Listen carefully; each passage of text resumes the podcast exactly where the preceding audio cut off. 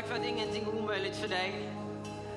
Tack för att vi bara får komma inför dig idag med öppna hjärtan Gud. Stor förväntan på vad du vill göra denna dagen. För du är stor Gud. Du är stor. Tack Jesus. Tack Jesus. Vi är så tacksamma för att du är här Gud. Du är här Gud. Halleluja. Halleluja. Tack Jesus. Halleluja. Amen. Tack Jesus. Mm. Tack Jesus. Tack så mycket lovsångare. Har vi inte ett underbart lovsångsgäng?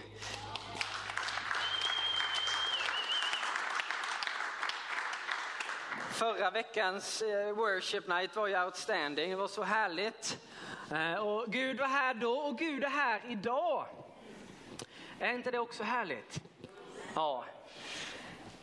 Kan vi inte bara bestämma oss för att vi skruvar upp vår förväntan lite på, på Gud idag? Jag tänker mig att förväntan fungerar ungefär som en ballong.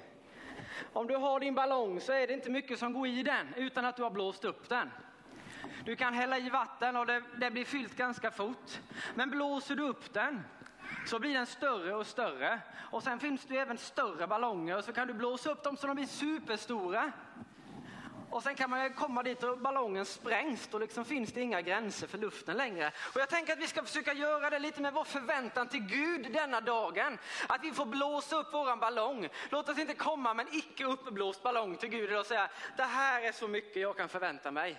Blås upp din ballong stort idag så att det finns mycket utrymme för Gud att vara och komma och göra saker i ditt liv denna dagen. Kan vi komma överens över det? Amen. Amen. Förvänta dig mycket av Gud. Det är ju sjukt kul att stå här uppe idag igen. Det är nog, eh, ja det är ju 2019 sist stod jag här. Eh, det har hänt mycket sedan dess, eh, både i mitt liv och i, i världen. Men idag så känns det väldigt kul att stå här och jag tänkte faktiskt börja lite med ett vittnesbörd. Eh, ett vittnesbörd som kanske inte är så som man förväntar sig egentligen. Oftast så vill man ju gärna höra vittnesbördet där det bara har brutit igenom, sjukdomen försvann och allt bara är fantastiskt. Det är inte mitt vittnesbörd idag. Ehm, de senaste, jag nämnde lite om det på worship nighten, att de senaste tre åren har varit extremt tuffa för hela vår familj. Eh, och eh, jag kan ärligt säga att det har varit många, många dagar då jag bara egentligen väntat på att det ska bli kväll igen. Så att jag kan sova, så att eh, barnen går och lägger sig, hemskt att säga. Men jag, det har varit så, jag har varit så trött. Och det har varit så kämpigt och det har känts som att jag har hållit på att drunkna så många, många dagar av de här tre åren. Att det har varit övermäktigt, att det inte har gått. Ehm, som många av er vet så har vi ju kämpat en del med, med sjukdom med, med, med vår dotter Maja. Ehm, och det har varit tufft på många olika sätt.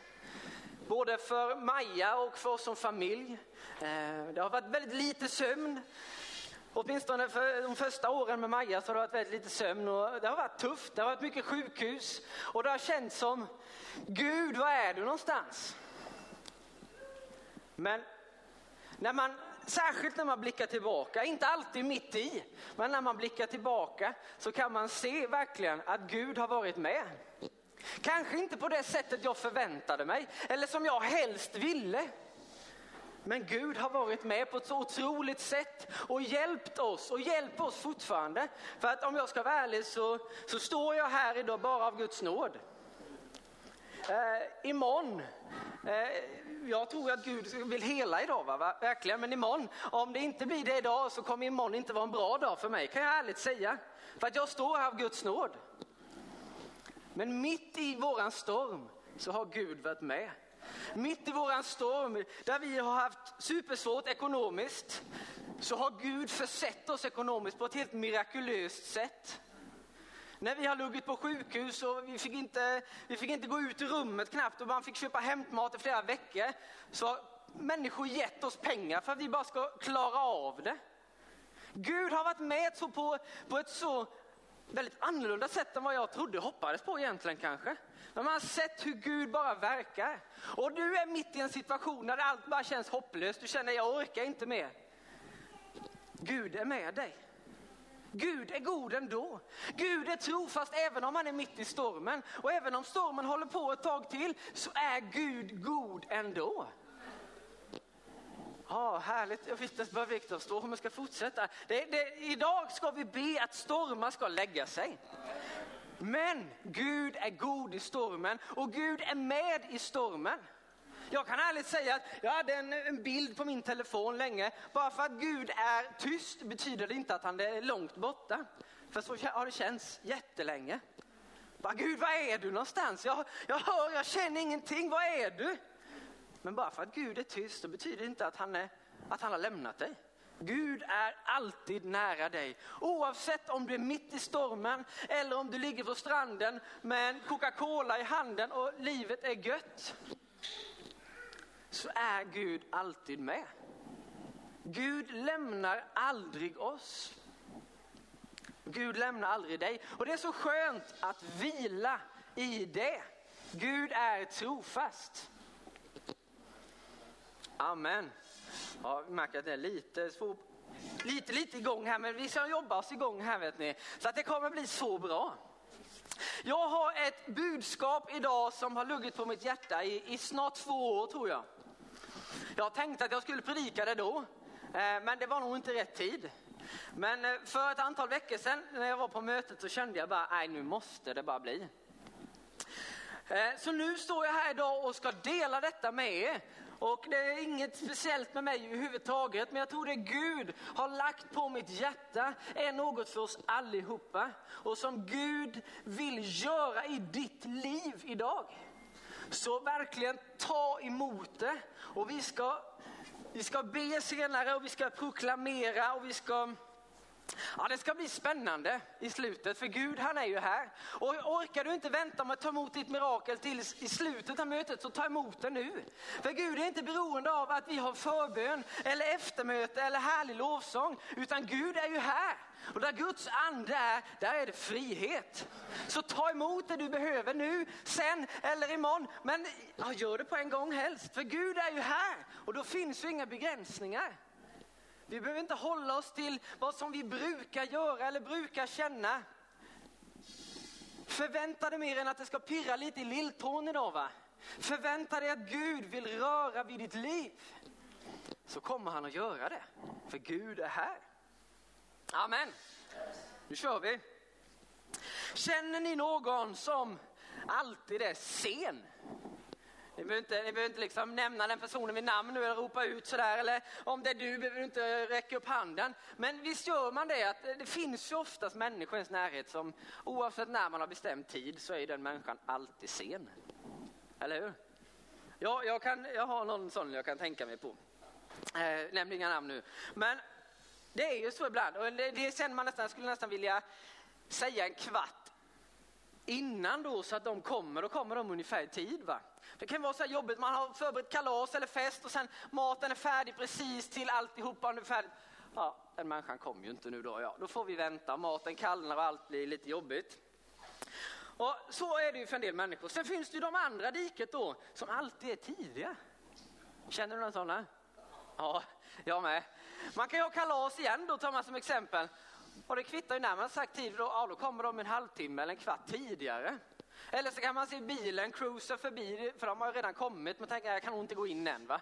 Ehm, ja, och sen är det de som är jättepunktliga och sådär. Det finns ju alla sorters människor.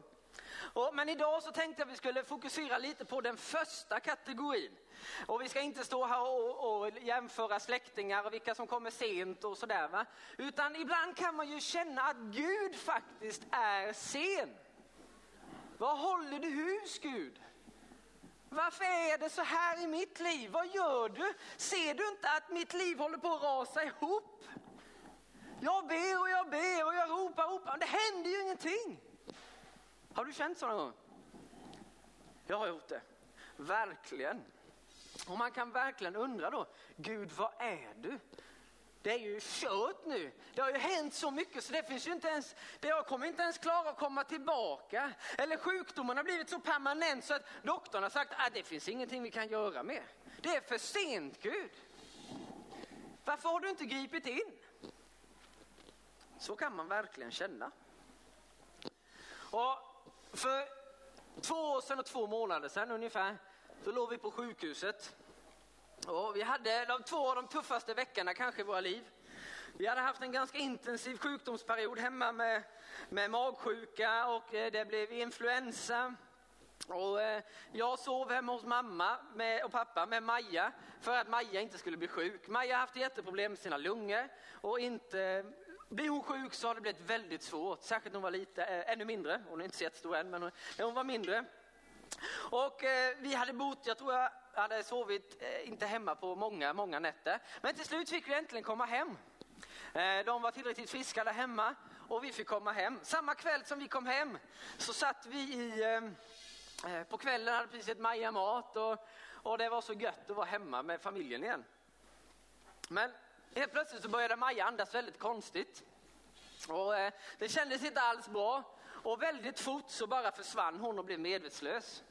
Ehm, och det blev en väldig panik. Vi ringde så, såklart ambulansen på en gång och, och de försökte mm, guida mig lite hur jag skulle försöka få någon reaktion på Maja men det var liksom noll reaktion. Hon var helt borta, andningen var supersvag och, och det var ganska mycket panik hemma.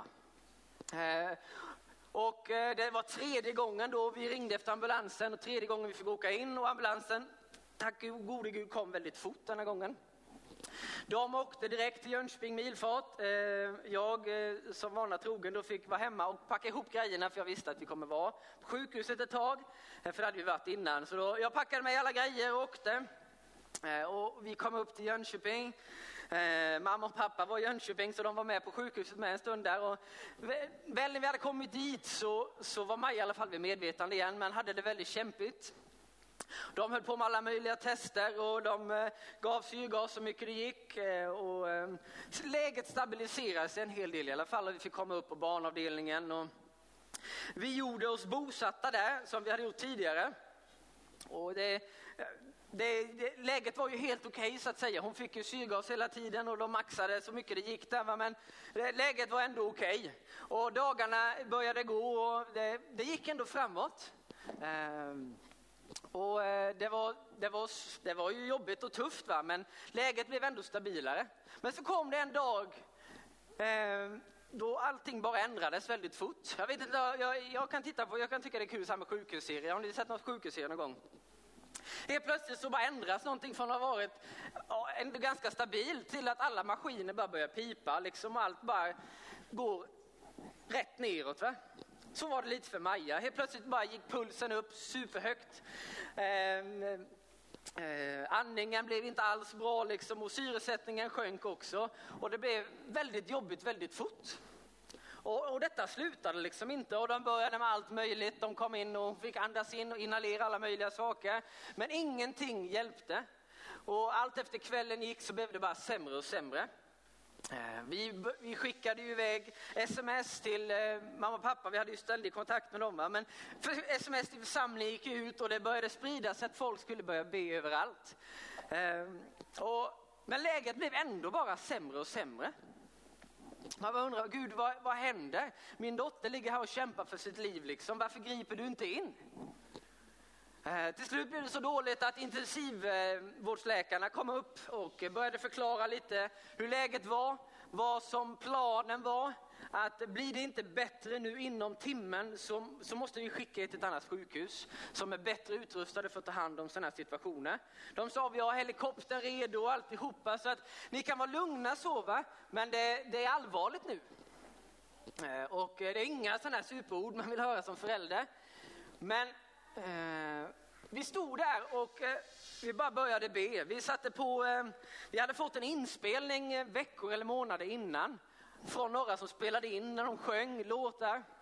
Vi satte igång den och bara lyssnade. Eh, och bara sjöng och proklamerade Guds ord över Maja. Hon låg bara där, hon var inte liksom kontaktbar och hon kämpade för att andas överhuvudtaget. Och sms började ramla in från egentligen hela världen. Människor i hela Sverige, USA, det var från, eh, ja, för mig det var från Kina, Afrika eller vad det ens var. Men vi kände oss burna på ett sätt ändå. Men man undrade bara, Gud vad är du? Snart är det för sent här. Vad händer Gud? Och vi, eh, vi kämpade på den där timmen. Fem minuter innan timmen hade gått så var första gången syresättningen gick upp och stabiliserade sig något. Och eh, sen kom de lite senare upp från intensivvårdsavdelningen och sa att vi känner att läget har ändå stabiliserats lite. Så vi avvaktar lite eh, och, och ser vad som händer. Och det, var, det gick väldigt bra ändå. Det var en orolig natt men läget stabiliserades för Maja. Och dagen därpå så var läget bättre. Eh, och eh, vi var kvar i sjukhuset tror jag ytterligare nästan en och en halv vecka efter det. Men eh, eh, det gick. Det gick ju som sagt bra. Maja sitter här idag. Maja, Maja mår bra under alla omständigheter. Men man undrar det där som förälder, Gud vad är du? Du är ju helt sen nu. Min dotter här kämpar för sitt liv. Vad är du Gud? Och under de här tre åren vi har haft så, så har jag undrat det många gånger. Gud, vad håller du på med? Varför är det så här? Varför måste det vara så här jobbigt hela tiden?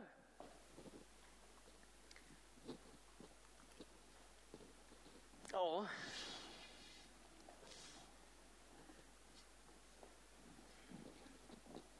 I Bibeln så finns det en annan berättelse där människor kände ganska lika. Gud, du är för sen. Varför kommer du inte? Varför kom du inte? Och jag tänkte att vi skulle läsa den nu.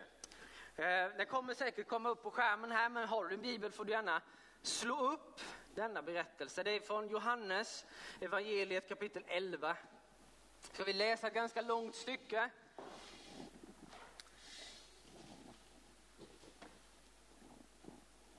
Är ni redo? Vi börjar från vers 1. En man som hette Lazarus var sjuk. Han var från Betania, den by där Maria och hennes syster Märta bodde. Det var Maria som smorde Herren med väldoftande olja och torkade hans fötter med sitt hår. Och nu var hennes bror Lazarus sjuk. Systrarna skickade då bud till Jesus och lät säga, Herre, den du har kär är sjuk. Alltså detta var Jesu vänner. Det var inte ens några främlingar. Vi ser hela Bibeln hur, hur Jesus bara förbarmar sig och gör allting för alla människor.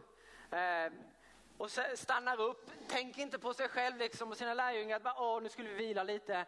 Och så kommer massa människor och Jesus bara, ja men vi måste ju ta hand om dem. Och sen här då, här är Jesu vänner. Så den som du har kär, han ligger sjuk. När Jesus hörde detta sa han, denna sjukdomen slutar inte med döden. Den är till Guds ära, för att Guds son ska bli förhärligad genom den. Jesus älskade Märta och hennes syster och Lazarus. Jesus älskade dem. Men när Jesus hörde att Lazarus var sjuk så stannade han ändå kvar två dagar där han var. Jesus han stannade kvar två dagar där han var. Trots att de sa Jesus kom nu till oss. Lazarus är sjuk. Vi vet inte ens om han kommer överleva. Kom till oss och hjälp Lazarus. Och Jesus sa, men jag känner att vi ska stanna kvar här två dagar. Eh, det kommer bli bra. Men rent logiskt så tänker man att Jesus skulle säga, nej men kom igen nu grabbar, då drar vi. Det var en bit att gå dit, jag tror att det var ungefär en dagsturs vandring. Man hade ju inga bilar eller någonting då, utan man gick ju. Eh, och det var en bit att gå, men ändå så sa Jesus, nej men vi ska stanna kvar, vi är inte riktigt färdiga här. Så de gjorde det.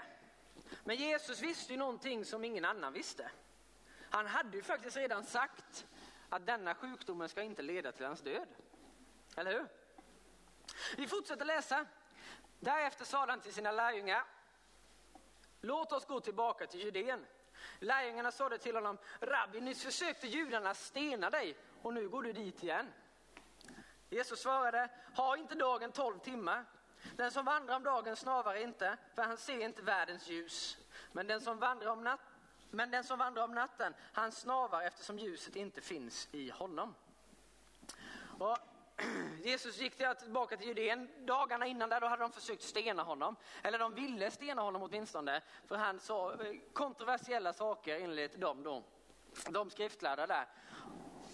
Och lärjungarna fattar ingenting. Varför ska vi gå tillbaka dit? De försökte ju döda dig. Och troligtvis oss också sen då. Och Jesus han svarar något superkryptiskt. Som man inte ens fattar själv knappt. Och man bara undrar hur det är att vara lärjunge ibland. Man ser det i Bibeln. Man bara, men Jesus vad säger du? Här frågade jag varför ska vi gå dit? Och du bara säger någonting helt random till synes. Det är inte lätt att vara lärjunge till Jesus ibland. Det, vi, är ju som, vi är ju lärjungar också. Va? Det är inte alltid lätt och man fattar inte alltid Gud, vad är det du menar? Har du känt så ibland? Va? Ha inte dagen 12 timmar. Jesus, varför ska vi gå dit? Ha inte dagen 12 timmar. Bara, nej, ja, det har väl 12 timmar, men vad har det med saken att göra? Vi skulle inte gå dit för vi inte skulle bli stenade, Jesus. Nej, precis. Ja, och sen står det inte mer om det, utan efter han sa detta, efter han hade sagt detta tillade han, vår vän Lazarus, han sover, men jag går dit för att väcka honom. Och jag älskar lärjungarnas respons. Jag tycker så här. Då sa lärjungarna till honom, men herre sover han, då blir han ju frisk. Ja, det är fantastiskt. Det var, det var ungefär deras trosspann där då. Ja, men åh Gud, om man bara sover, om man är sjuk, då är det inga problem. Då kan du gå och hela honom. Det är inga problem för dig Jesus. Men Jesus, han hade ju talat om att han är död. Men de trodde att han talade om vanlig sömn. Och Jesus då, det är inte helt lätt att vara Jesus heller. Från hans håll då. Men lärjungarna fattar inte, han är död. Liksom han fick tala klarspråk med dem där. Det gick inte att tala i någonting annat. Utan, grabbar, Lazarus han har dött. Okej, okay. han sover inte. Han är död. Jaha, och då måste det bli ett lite konflikt för lärjungarna här. För bara för någon dag sedan då sa Jesus den här sjukdomen ska inte sluta med Lazarus död. Men är han död nu Jesus? Men hur ska det gå då? Man märker att det är, ibland fattar man inte riktigt med allt vad Jesus, hur Jesus tänker och hur Jesus, vad Jesus har för plan.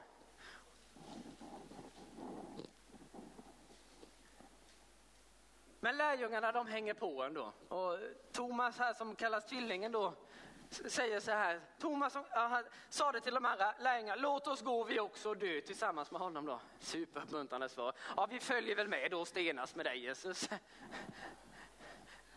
Vi är på gång nu lärjungarna. Häng på nu så går vi och dör med Jesus. Det var inte alls det Jesus hade tänkt. Men det är en härlig inställning Thomas hade där. Men till slut kom de i alla fall fram till Lazarus. Och han hade redan dött som Jesus hade sagt. Han hade legat i graven i fyra dagar. Eh, kan man någonting om vad som händer efter man har dött så är det ju att det, eh, det blir ju väldigt dåligt med kroppen väldigt snabbt. Särskilt i ett varmt land där solen ligger på. Det blir inte så bra när man har dött efter det. Man luktar ju väldigt illa och det kan börja ruttna ganska fort. Men Jesus kom dit i alla fall fyra dagar efter att Lazarus hade dött. Åtminstone fyra dagar, vad vi vet. Och eh, då kan man ju säga att det är ganska kört. Jesus han är ju för sen. Mänskligt sett så pekar allt åt medicinskt sett, allt vad doktorer kan göra, även idag, så är det kört. Lazarus är död, okej okay, grabbar. Fattar det, han är död. Han sover inte. Men Jesus han följer inte riktigt vår tid. Jesus han följer inte riktigt våra naturlagar, våra begränsningar. För han är allting möjligt. Och någonting som har gått upp för mig under den här tiden som har varit tuff för oss, det är att Viktor, du ser inte hela bilden. Och när man inser det så är det ganska frigörande. För då finns det egentligen bara att man kan lita på Jesus kvar. För att när man, jag kan ärligt säga att jag har egentligen sett en dag i taget. De senaste, eh, oftast har det varit så i alla fall. Har livet varit ganska bra, då kanske man har tänkt en vecka i taget. Men oftast har det nog varit en dag i taget. Vilket betyder att jag ser väldigt lite. Jag ser egentligen också väldigt lite vad som har egentligen hänt. Vad som händer nu ser jag egentligen bara precis med mig själv. I min egen sfär, min egen familj. Kanske bland mina vänner. Men mer ser jag inte. Och jag ser inte heller vad som ska komma. Men vad som är skönt är att, att Jesus och Gud, han ser hela bilden. I Jesaja 55, vers 8-9 så står det så här. Tappade jag din padda här? Där. Därför att jag inte fetmarkerat det. Mina tankar är inte era tankar och era vägar är inte mina vägar, säger Herren. Nej, liksom himlen är högre än jorden, så är mina vägar högre än dina vägar och mina tankar är högre än era tankar. Så man kan inte alltid förstå, jag kan absolut inte alltid förstå varför, ting, varför saker och ting alltid händer. Eller varför saker och ting inte händer. Men vad jag kan välja att göra, det är att säga att Jesus, du ser hela bilden, det gör inte jag. Därför får jag bara lita på att du har kontroll. Att du har en väg, att du har en lösning för mig och min familj i detta som vi går igenom. Det säger jag inte att det är Gud som har lagt allt det jobbiga på mig, att det är Gud som har skickat alla sjukdomar och allting, det säger jag absolut inte. Men Gud har en väg och han ser mycket mer än vad jag ser. Och då kan jag bara få lägga undan mitt eget och bara, jag måste inte ha kontroll, jag måste inte förstå allting, jag måste inte fatta varför saker och ting händer, utan jag kan välja att sätta min förtröstan på Gud och säga att Gud, jag litar på dig. Jag fattar ingenting, jag tycker det är jättejobbigt, egentligen tycker jag att det här, du är för sent ute, du, måste, du skulle hjälpt mig för ett och ett halvt år sedan. Så länge tyckte jag att jag klarade mig liksom. Men jag får bara vila i att Gud han har kontrollen. Gud han ser vad jag har varit. Han ser vad jag är och han ser vart jag är på väg. Och vi får bara lägga våra liv och situation i hans händer. För att han har en väg för oss. Och det kan vara jättesvårt ibland. Och svårare, mindre, mer eller mindre svårt för vissa människor. För en del är ju riktiga kontrollmänniskor. Känner du någon sån? Ja, en del är det. Och då är det ju ännu jobbigare att släppa kontrollen över någonting. Men jag tror att vi behöver bara släppa det och lita på att Gud har kontrollen. Det betyder inte att jag inte ska fortsätta be för min situation eller proklamera ut Guds sanning över mitt liv. Det betyder inte att jag ska lägga mig ner och vänta. Ja men Gud nu lägger jag mig här och väntar tills du gör ett mirakel i mitt liv och sen kan jag köra på sen när du har gjort det. Nej, det betyder det inte heller. Men Gud har en väg för dig och mig. Oavsett vilken situation du står i så har han en väg. Amen. Vi fortsätter läsa i, i eh, Johannes. Tyvärr Jonathan står det inga verser i min eh, text här så jag vet inte riktigt vilken vers vi är på. Men det, vi börjar i alla fall. Där Betania låg nära Jerusalem, ungefär tre kilometer därifrån.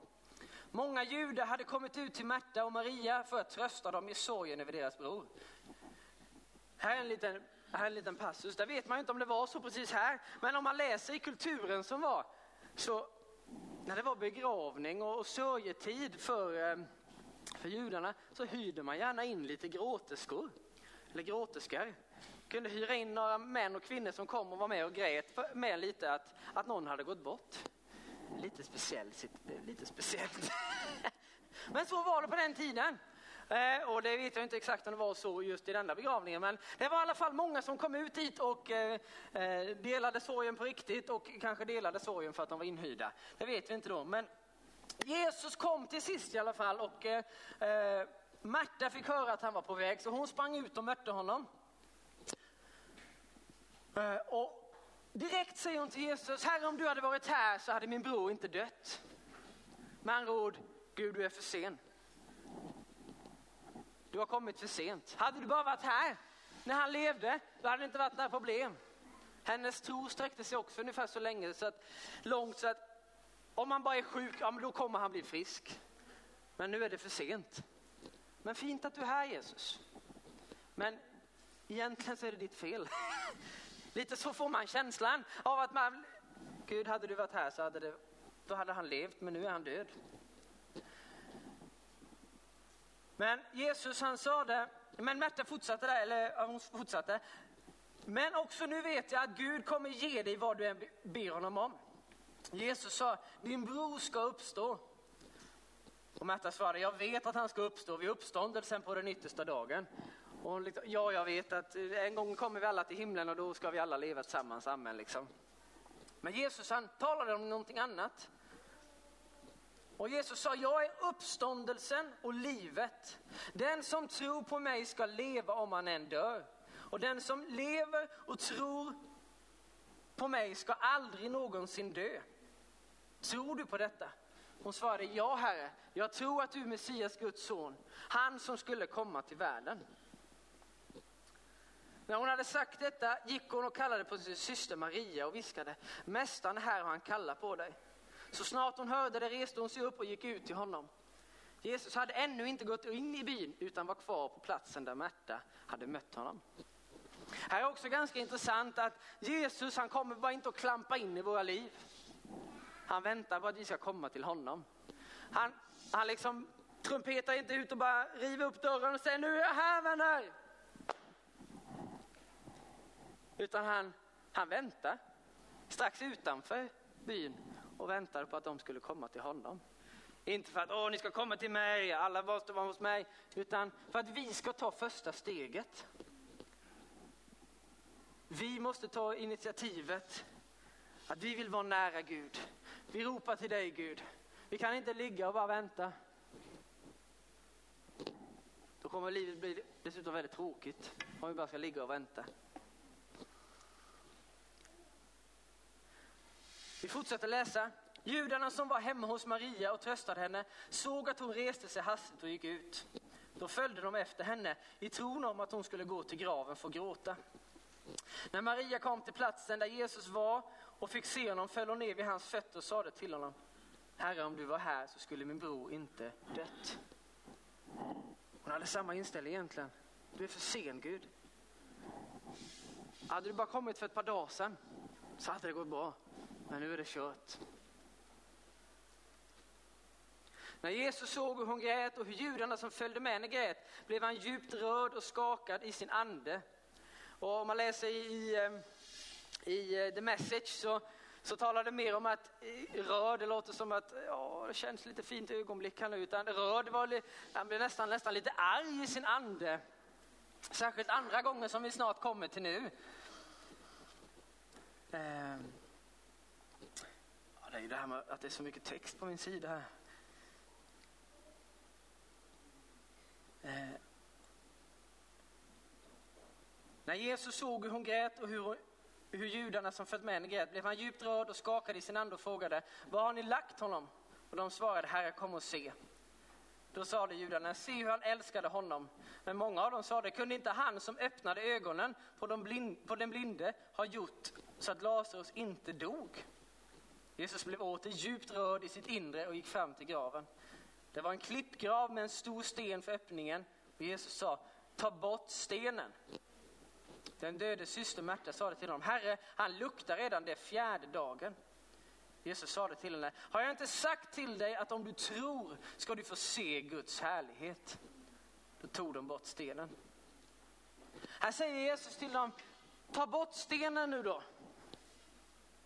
Och på en gång säger första, men, men vad ska du öppna graven för liksom? Ska du gå in och titta på honom? Han luktar redan. Det är inte så gött att gå in dit Jesus. Vi, vi, vi, vi, vi vet nu att det är liksom för sent. Det känns bara väldigt onödigt att öppna klippgraven. Ingen trodde på detta, att Jesus hade kommit för att väcka upp Lazarus. Och vi kan ibland bli så fokuserade på att saker och ting ska hända på det sättet vi vill, att vi missar det Gud har tänkt.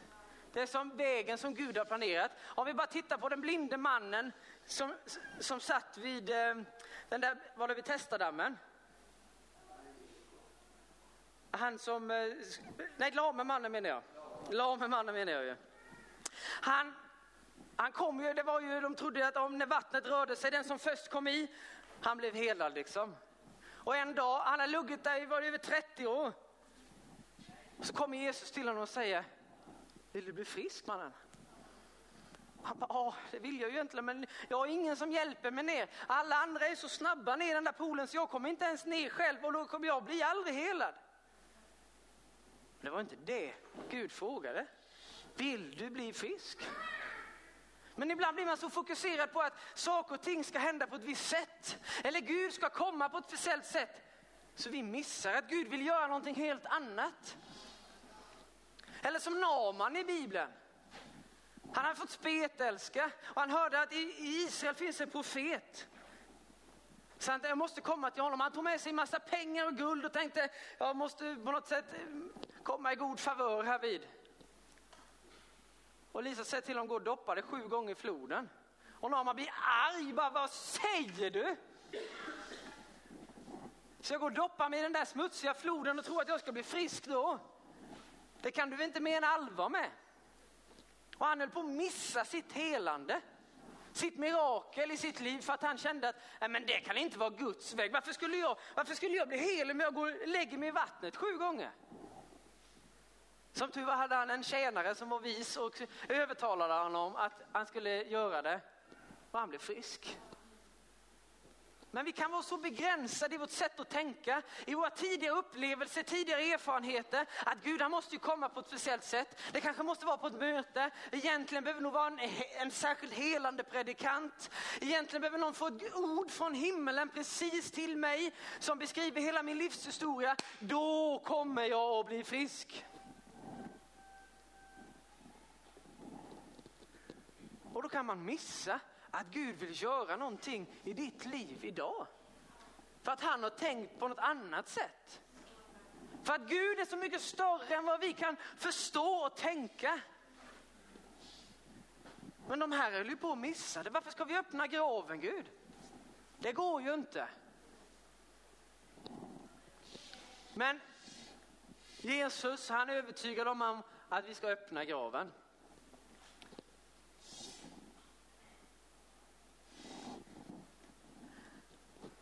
Och till slut gjorde de det. Notera att det är inte Jesus som öppnar, flyttar, flyttar den, utan det står att de öppnade den. De rullade undan stenen. Och det här tror jag kan vara en liten nyckel.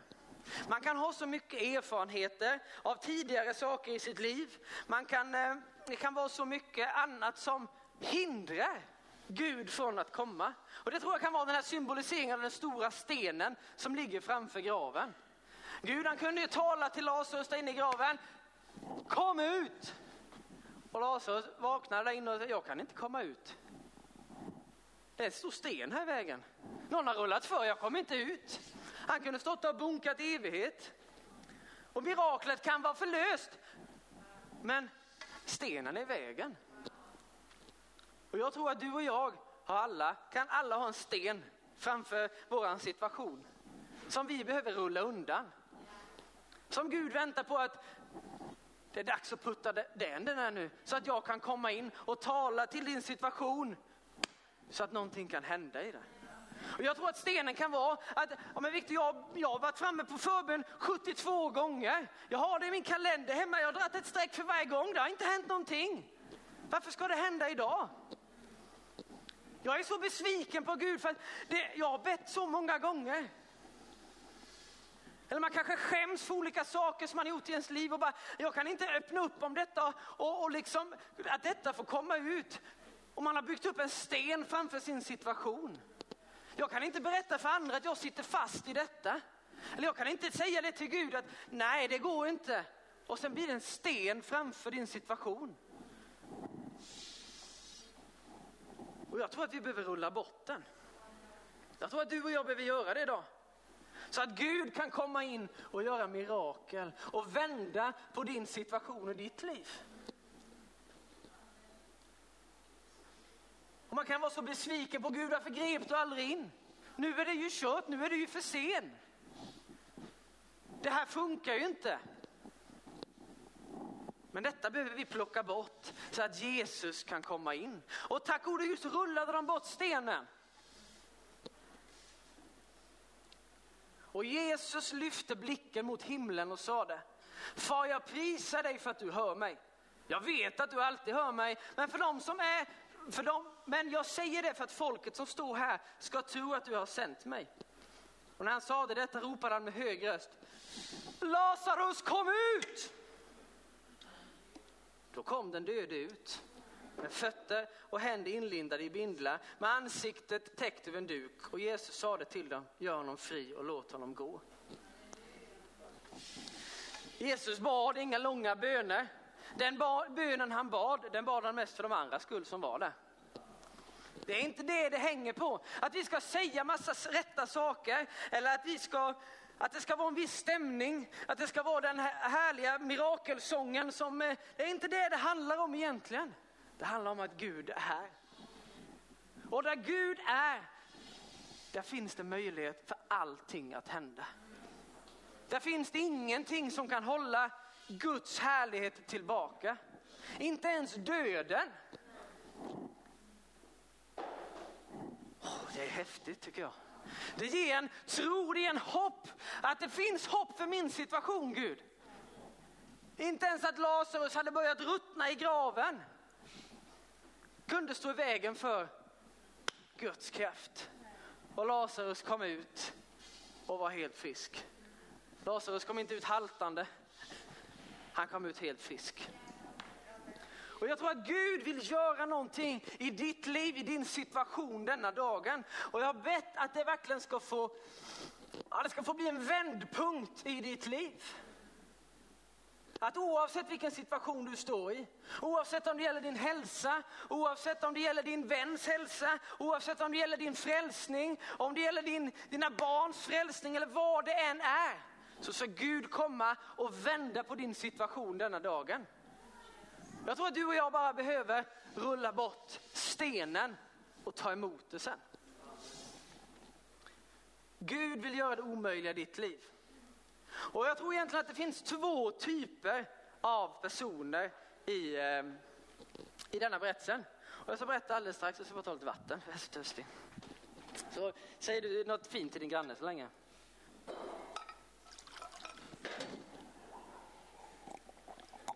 Det är ju så väldigt varmt här inne. Jag är en, eh, en otrolig shotsmänniska. Eh, eh sju till åtta månader om året är jag en shotsmänniska. Offentligt och resten av året är jag en shotsmänniska bara hemma. Eh, men jag kände nu när jag satt uppe på scenen så kanske bäst jag har långbyxor, men det är ju väldigt varmt i alla fall. Men eh, eh, Gud han är god ändå, även att det är varmt.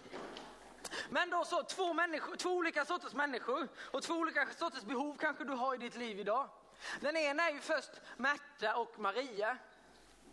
De var i den delen att det kommer inte gå detta. De hade fastnat i besvikelsen över att Jesus han var för sen. Det, det är kört nu. Det kommer liksom inte gå. Det, det finns ingen utväg. Och så kanske du känner i ditt liv med. Att sjukdomen har varit så länge i ditt liv.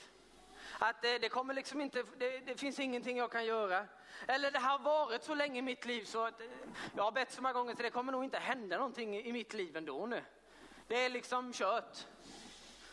Och man kan säga, Jesus det är fint att du är här men, men hade du varit här för tre år sedan eller två månader sedan eller igår så hade det varit bra. Men, men nu liksom, ja det är fint att du är här. Och där kan man hamna. Den andra kategorin är ju Lazarus. Han är död. Han är begraven. Och för en del här inne så tror jag att det kan vara som Blasus. Jag ser ju att alla är ju sprudlande av liv och färg här inne. Va? Så det är ingen, man behöver inte oroa sig att någon sitter här död. Det är inte det jag talar om nu. Men jag tror att man kan bli att andra sakens liv kan tyna bort. Att anden kan börja tyna bort. Att områden i ditt liv har bara fått dö ut. Att elden som en gång brann så starkt i ditt liv har börjat att, att dö ut. Och det kanske känns som den har dött. Den finns inte längre. Jag är en, en, man kan känna att jag är en ärlig söndagskristen människa. Jag tycker det är fin gemenskap på söndagarna och det kan kännas lite skönt inombords och sjunga några sånger ibland och, och det är härligt att träffa lite andra människor. Och man kan känna att andligen så har man liksom dött. Men Gud har kommit idag för att väcka upp dig. Jag tror att det kan vara drömmar som man har haft i sitt liv som inte har slagit in och som har fått dö ut. Ja, det hände inte som jag tänkte. Jag talar kanske inte om din 19-åriga själv som drömde om att bli NHL-proffs liksom och nu är du 59 och bara, ja gud det här hände inte men det är inte den drömmen jag tänkte att vi ska tala liv till idag. Men jag tror att Gud kan ha lagt drömmar. Jag tror att Gud kan ha lagt kallelse på ditt hjärta som bara, nej det här blev inte alls som jag tänkte. Nej det här, nej det, det här kan ju inte bli längre nu för nu har, jag, nu har jag blivit äldre. Eller Gud kanske har lagt kallelse som bara har fått dö ut. Det här är för sent nu Gud. Kallelsen är död. Drömmen är död. Men Gud vill tala liv. Gud vill ropa ut ditt namn idag. Ut i andevärlden, till dina drömmar, till dina kallelser. Till dig att sjukdom ska få lägga sig i din kropp. Till att ångest ska få lägga sig i din, bara få försvinna. Till att mardrömmar, till att smärta, till att psykisk ohälsa bara ska få flyga och lämna din kropp. Denna dag. För idag är dagen. Idag är dagen. Det är inte kört för dig. Du är inte för gammal. Du är inte för ung. Drömmen är inte slut eller körd. Även om det kan kännas så. Och sen finns det kanske till och med en del människor som har gett upp och bara, de har bara klivit in i graven själva. Lagt sig där vid och bara, nej jag orkar inte mer nu. Ja, jag har hållit upp en fasad så länge nu men jag orkar inte mer. Jag lägger mig här bara nu och sen väntar jag till Jesus kommer och så blir det härligt i himlen och då är allt bra. Och rullat för stenen och nu ligger jag här. Tyck gärna synd om mig för då känns det lite bättre. Och jag har själv varit där nästan. Han bara, jag orkar inte mer. Det vore fint om någon tyckte lite synd om mig för då känns det lite bättre. Jag kan ärligt säga det. Men vet du vad, det är ingen rolig plats heller att stanna på. För Gud har ju så mycket för dig och mig. Gud har ju så mycket för dig och mig. Amen. Vi ska läsa en till eh, bibelvers innan vi ska gå vidare. Den är från eh, första Petrusbrevet 5 och 8, vers 8 till 10. Eh, jag läser den från eh, eh, The Message, eller ja det blir ju det fast på svenska. Då står det så här, var nyktra balanserade, alerta i sinnet och ha självkontroll. Och var uppmärksamma, redo, vaksamma, för en motståndare, djävulen, går ständigt omkring som ett rytande lejon och söker någon att sluka och förgöra. Stå emot honom, fasta, orubbliga i tron. Ni vet att era syskon hela den kristna kroppen runt om i hela världen utstår och tar sig segrande igenom samma sorts lidande. Men all nåds Gud, han som har kallat er till sin eviga härlighet i den smorde Jesus, smorde Messias Kristus, som ni en kort tid har lidit, sedan ni en kort tid har lidit, skall själv upprätta, fullt ut räta ut, återställa och fullkomna, stödja, grundligt plantera, stötta och stabilisera, styrka och funktionsförstärka för att få rörlighet och kunna uträtta något på det mest effektiva sätt. Och befästa, stadfästa, lägga upp en fast grund i er. Upprätta. Nej, det är, bara massa, on lesson message, det är bara hundra parenteser allting. Man vet inte var någonting börjar och någonting slutar. Men där honom tillhör makten, auktoriteten, evigheten och evigheten, skulle det stå. Amen, låt det ske. Jag har så många parenteser, alltså jag visste inte riktigt var jag skulle sluta. Men vilken grej! Vad det står häftigt. För att få rörlighet och kunna uträtta något på det mest effektiva sätt. stabilisera, stötta, plantera, fullt ut rätta till, återställa, återupprätta. Det är vad Gud vill göra idag. Det är vad ni ska förvänta er. Inte ett dugg mindre, för det står i Guds ord. Förvänta dig inte att ja, men om jag bara kan få 10 helande eller om det kan bara bli lite bättre, då orkar jag ett tag till. Nej, min vän, förvänta dig allt det som vi just läste, att Gud vill återupprätta, att Gud vill hela, att Gud vill stadfästa, att Gud vill ge tillbaka allt det som djävulen har tagit från ditt liv. Amen, förvänta dig det. För jag tror att vi alla mer eller mindre behöver väckas till liv. Jag tror att vi går in i en tid där vi måste vara vakna. Det står ju också här så tydligt att vara uppmärksamma, vara balanserade, alerta i sinnet. Oj. Ha självkontroll, redo. För djävulen går runt överallt och försöker sluka alla. Hela tiden. Vi behöver vara vakna. Vi kan inte ligga kvar i graven och slumra. Vi kan inte vänta på bättre tider, för det är inte säkert att det blir bättre tider. Vi måste vara vakna. Vi måste säga Gud, väck mig. Gud, väck min ande. Låt det sprudla av liv igen. Tänd elden som det en gång gjorde, kanske när jag var, när jag var ung eller när jag var gammal, jag vet inte. Men väck min eld. För att jag behöver den. Vi behöver komma närmare, inte längre bort. Gud behöver bli större i våra liv, inte mindre. Det är sanningen. Och det kan vara jobbigt ibland. Man kanske måste lägga av en bit av sig själv. Man kanske måste förminska sig själv och liksom erkänna att Gud, jag klarar inte detta utan dig. Men jag tror att Gud vill hela din kropp och ditt sinne idag. Jag tror att Gud vill väcka dig med en sovande ande. Jag tror att Gud vill väcka drömmar och kallelse till liv idag igen. Kanske som har luggit sovande i många år. Årtionden. Drömmar som du fick när du var ung. De vill Gud väcka idag. Och jag tror att Gud vill tända en eld i ditt hjärta idag. Amen. Vi ska göra en grej här nu. Så Pio kan komma upp och Simon och Samuel som ska spela lite. Eh, så här brukar vi nog inte göra tror jag. Men det tror jag är en del av grejen. Men jag har bara känt att vi ska göra så här. Så därför tror jag att det är Gud som bara sagt detta. Och det kommer inte vara någon allmän förbön nu, att, vi ska liksom, att ni får komma fram och jag ska lägga händerna på er. För att jag vet att Gud han är här. Och det Herrens ande är, där det frihet. Så du kan ta emot din frihet var du än är nu. Om du sitter där hemma och tittar så kan du ta emot din frihet där just nu. Ditt mirakel just nu. Din situation som kan ändras oavsett hur den ser ut.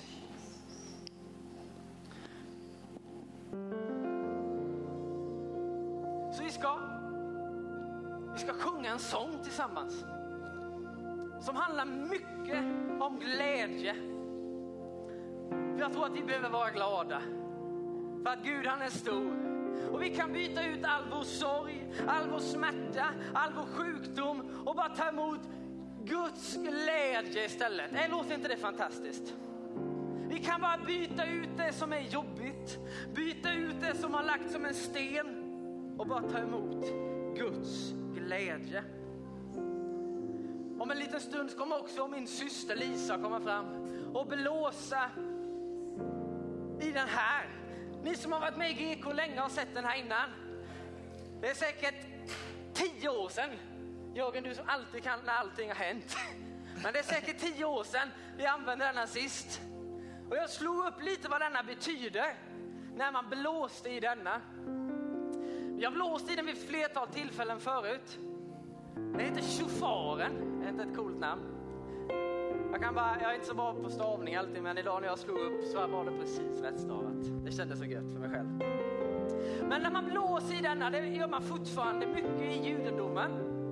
En av gångerna man gör det, det är vid nyåret. När en ny tid börjar. Då blåser de och proklamerar. Jag vet inte om ni har läst jubelåret i Bibeln. Då blåser man också.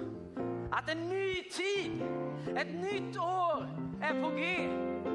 En ny tid i ditt liv, en ny tid av helande, en ny tid av glädje. Ska vi bara proklamera ut över ditt liv, din situation denna dagen. Så bara vi ska börja och sjunga lite först. Börja bara lägga undan din sten nu. Rulla undan allt som ligger i vägen för att Jesus ska komma in och vända på din situation. Amen, så nu tar vi och sjunger lite.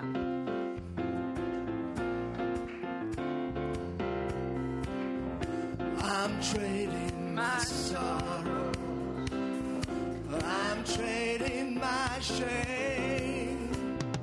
I'm laying it down for the joy of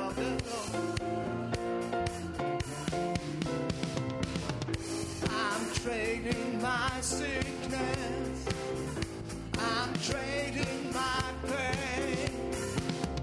I'm laying it down for the joy of the Lord. I'm trading my sorrow. I'm trading my sorrow. I'm trading my shame. I'm laying it down for the joy of the Lord. I'm trading my sickness. I'm trading my sickness. I'm trading my pain. Laying it down. I'm laying it down for the joy of the Lord. Saying yes, Lord. Yes, Lord. Yes, Lord. Yes, yes, Lord. Yes, Lord. Yes, Lord. Yes. Oh, yes, Lord.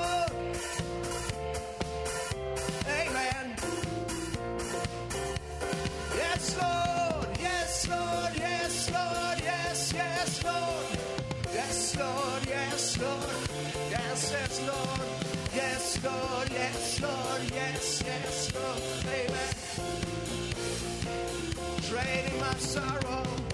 I'm trading my sorrow. I'm trading my shame.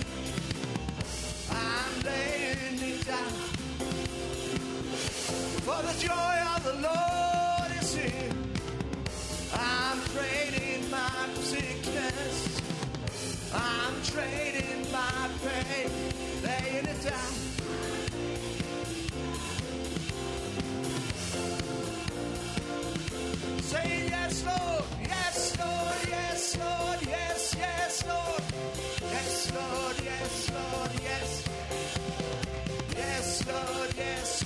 Yes, yes, Lord. Amen. Yes, Lord. Yes, Lord. Yes, Lord. Yes, yes, Lord. Yes, Lord. Yes, Lord.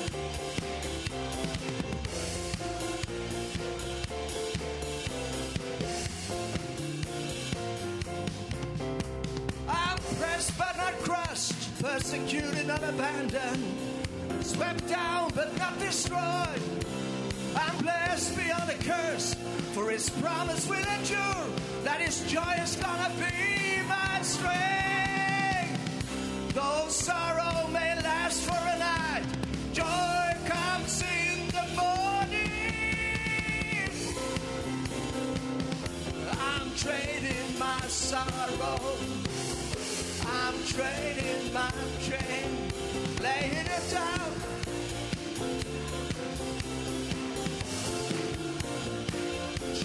My sickness. I'm trading my sickness. I'm trading my pain. I'm laying it down for the joy of the Lord. Saying yes, Lord. Yes, Lord. Yes, Lord. Yes, yes, Lord. Yes, Lord. Yes, Lord. Yes, Lord.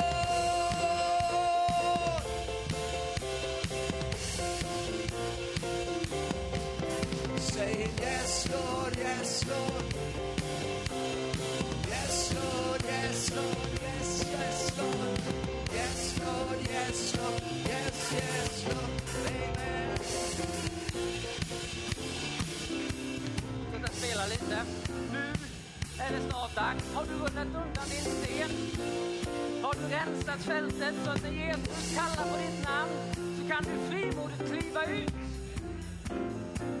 Jag har bara fått några saker som jag bara tror är särskilt idag. Jag kämpar själv med post-covid och jag är så trött på allt som har med covid att göra. Så jag tror att Gud han bara vill knäcka post-covid just nu, idag. Jag tror att det bara får bryta allt inflytande över människorna i den här församlingen. Det ska vara slut med plågan om post-covid. Det är den ena grejen. Jag tror också att vi ska kalla på nära, nära och kära hos dig som inte tror på Gud. Som du har bett för under många år. Som du har kämpat för att de ska bara få ta emot Jesus. Som kanske har gått med Jesus, som har lämnat. Jag tror att vi ska kalla på deras namn idag tillbaka. Jag tror att vi ska kalla på dem så de får bara komma ut i sin grav och bara komma ut i fullheten i Jesus. Och alldeles strax ska Lisa blåsa. Och när hon blåser då vill jag bara att du tar emot. Du får jubla, du får dansa, du får lägga dig ner, du får göra hur du vill. Men bara ta emot det Gud vill göra i ditt liv idag. Och se till att inte ha stenen kvar. För du vill inte missa vad Gud vill göra i ditt liv. Är ni redo? Nu kör vi Lisa. Tack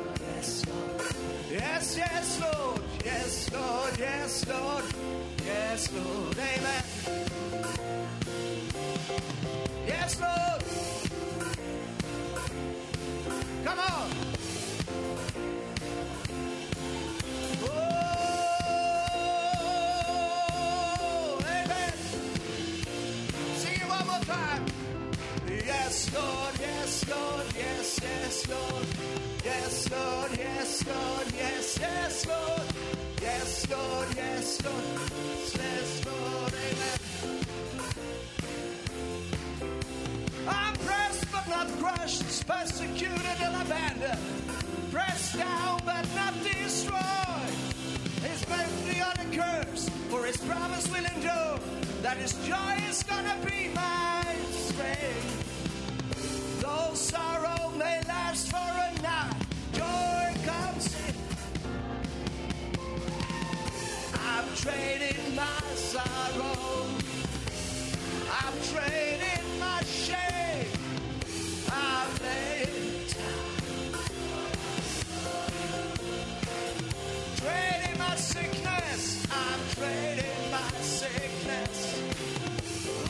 Trading.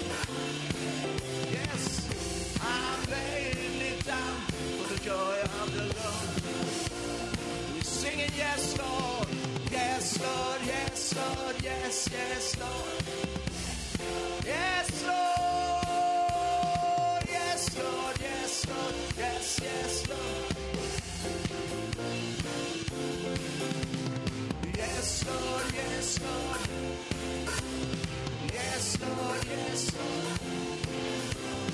Yes, Lord. Yes, Lord, yes, yes, Lord, amen. Yes, yes, Lord, amen. Yes, yes, Lord, amen.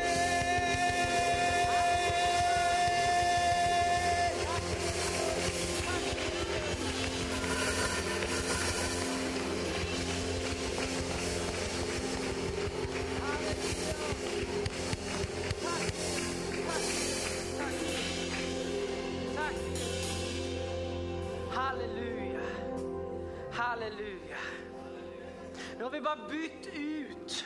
Det som låg i graven innan, det har vi bytt ut. Och vi har klivit ut. Och vi får ta emot Guds glädje. Halleluja. Och vet du vad vi gör nu? Nu har vi sparkat in sjukdomen.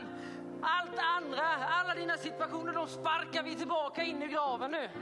Och nu tar vi stenen, fast en helt annan sten, Guds ord, och så rullar vi den för graven så att sjukdom inte kan komma tillbaka, så att ångesten inte kommer tillbaka, eller vad det än var. Så är du fri från det nu. Tro det nu. Förvänta dig det från Gud. Det har skett nu. Tacka Gud för det.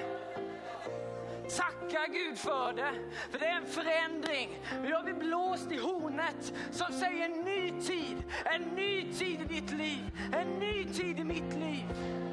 Tack Jesus, tack Jesus. Halleluja. Så ligg inte kvar och vänta för att det ska kännas på något särskilt sätt eller att benen ska börja skaka eller någonting annat. Utan Gud, han har rört till dig. Gud har kallat dig ut ur graven. Du är fri. Du är fri. I Jesu namn. I Jesu namn.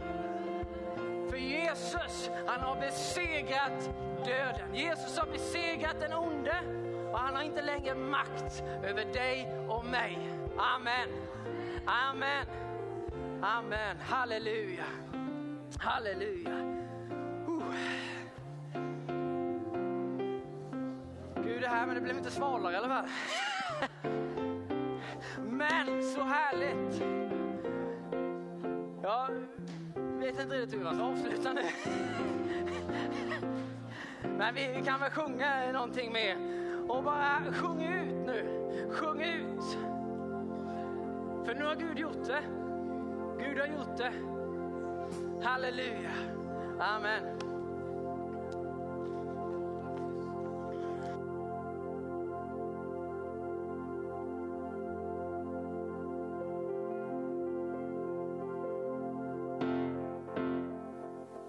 Min befriare reste mig ur den djupa dyn. Allsmäktig för alltid. Jag blir aldrig som förut för du kom hit. Ifrån evigheten till vår fallna värld.